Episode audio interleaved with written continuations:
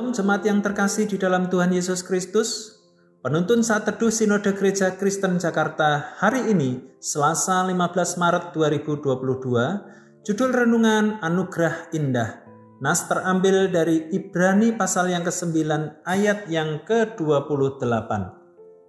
Demikian pula Kristus hanya satu kali saja mengorbankan dirinya untuk menanggung dosa banyak orang Sesudah itu ia akan menyatakan dirinya sekali lagi tanpa menanggung dosa untuk menganugerahkan keselamatan kepada mereka yang menantikan dia.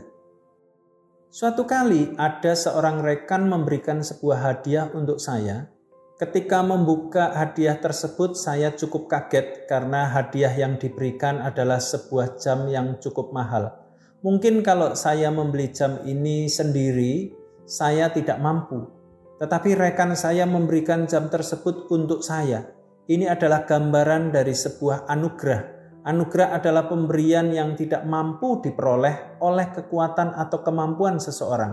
Anugerah terbesar dinyatakan bagi kita adalah di atas kayu salib di mana Kristus telah menanggung dosa segenap umat manusia.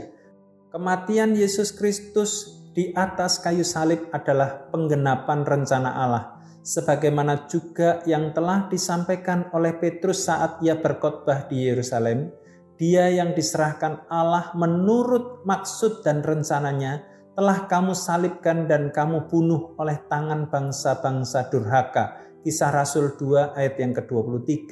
Dalam perjanjian lama juga telah dinubuatkan perihal ini, tetapi dia tertikam oleh karena pemberontakan kita. Dia diremukkan oleh karena kejahatan kita ganjaran yang mendatangkan keselamatan bagi kita ditimpakan kepadanya dan oleh bilur-bilurnya kita menjadi sembuh. Yesaya 53 ayat yang kelima.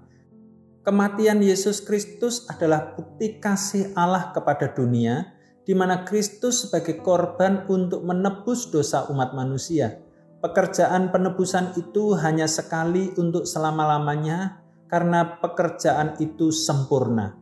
Kristus hanya satu kali saja mengorbankan dirinya untuk menanggung dosa banyak orang.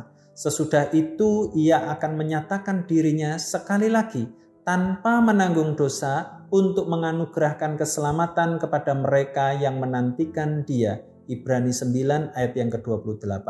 Sebagai orang-orang yang telah diselamatkan, hendaknya kita merespon kasih Allah ini dengan tindakan nyata Mengorbankan nyawa bukanlah hal yang biasa. Inilah bukti dari sebuah kasih yang teramat besar dan tulus. Merespons kasih Allah kepada kita tidak hanya dengan mengorbankan nyawa, banyak tindakan nyata untuk mewujudkan kasih kita kepada sesama, dimulai dengan lingkungan di sekeliling kita. Jika ada yang membutuhkan pertolongan finansial, apakah kita sudah berbagi?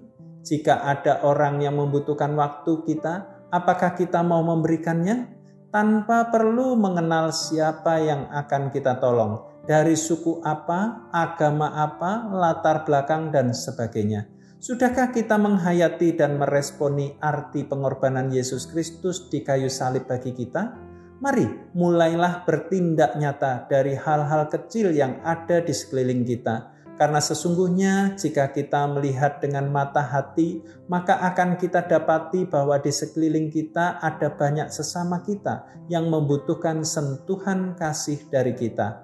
Amin. Kristus telah menjadi anugerah terindah bagi umat yang berdosa.